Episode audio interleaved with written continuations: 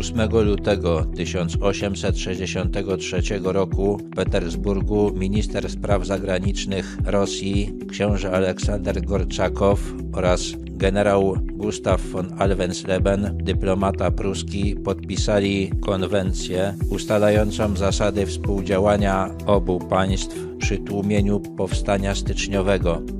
Najważniejsze ustalenie tej konwencji brzmiało: Dwory Rosji i Prus, zważywszy, iż wypadki, które zaszły w Królestwie Polskim, naruszają poważnie własność publiczną i prywatną i mogą zaszkodzić interesom porządku w prowincjach sąsiednich pruskich, umawiają się, że na żądanie dowódcy armii rosyjskiej w Królestwie Polskim albo na takie żądanie dowódcy Korpusu Armii Pruskiej będą okazywać sobie wzajemną pomoc, a w razie potrzeby przechodzić granice dla ścigania buntowników.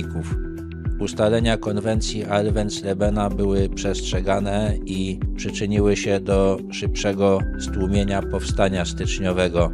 Układ został zawarty z inicjatywy kanclerza Bismarcka, który 30 stycznia wysłał generała Alvenslebena na negocjacje do Petersburga i nakazał przesunięcie 60 tysięcy żołnierzy w celu uszczelnienia granicy z Królestwem Polskim.